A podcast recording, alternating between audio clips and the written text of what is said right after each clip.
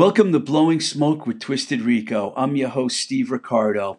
This week we're going lo fi once again, and I'm here in Wormtown, aka Worcester, Massachusetts.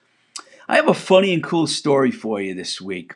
Back in late 1985, early 86, when I was working at Enigma Records in California, um, El Segundo it was at the time, California, a DJ by the name of Lady Di tracked me down and asked me if I would be a guest on our radio show and talk about Poison, Stryper, Leatherwolf, and some of the other bands I was working with at the label at the time.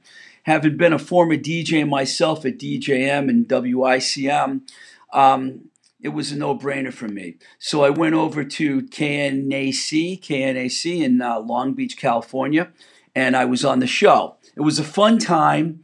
And years later, I'd forgotten all about it when I got a call from Bob Nalbandian. This is a couple years ago, a music journalist that I met many times when I lived in Los Angeles. He asked me for my permission to use parts of the interview in a documentary series he was doing called Inside Metal The LA Metal Scene Explodes. He totally caught me off guard, but I was flattered that he asked. Then I told him that I didn't have a copy of the interview, and if, and he was like, "Oh, oh, we already have a cassette copy of the interview." So I asked him, "How in the world did he have a copy of that?" Because I knew KNAC was long gone, and that's when he told me a mind blowing story. Uh, Carl Alvarez started working in the radio department at Enigma Records just after I had left the label, and apparently he was using one of my old desks. Yes, I had more than one back then, and uh, found the cassette in one of the drawers. This was in 1986. He held on to the cassette for 25 years and let his friend Bob hear it. And the next thing you know, I'm in this outstanding documentary series. If you haven't seen it, there are three parts, and I believe two have already been released, and the third one's on the way. They're fantastic, and I highly recommend them.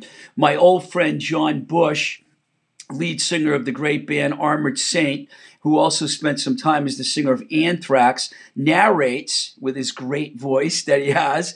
And there are some amazing stories about how all styles of metal, thrash, glam, uh, etc., exploded in the early 80s in LA at the same time. It was really an incredible time to be out in LA. I'll never forget all the nights I spent.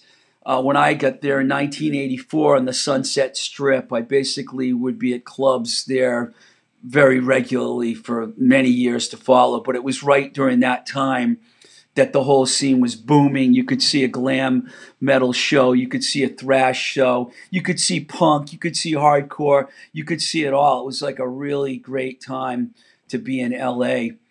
Um, for the time being, I'm going to be doing these lo fi short episodes. I hope you enjoy them.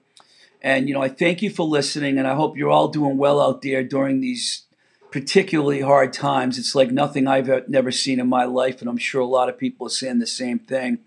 And of course, I look forward to someday returning to the studio at New Alliance with Herb, my engineer, and having guests and doing more shows for your listening pleasure. But for now, I'm going to go lo fi on you for a few episodes. Um, please check out the Patreon page, which is www.patreon.com slash Twisted Rico and please consider supporting our show. Can do so for only a dollar a month. I want to thank our sponsor, JLS Design, who just made us some great t-shirts. Um, and also want to thank all you listeners for just hanging in there because I know there's people have a lot of time on their hands right now, so I'm hoping you're spending some time listening to us. Uh, this is Blowing Smoke with Twisted Rico. I'm your host, Steve Ricardo. And until the next time we say goodbye, keep the rock and roll alive. And yes, Busy Phillips, we still love you. My best to all my friends and listeners out there. Hang in there. Talk to you soon.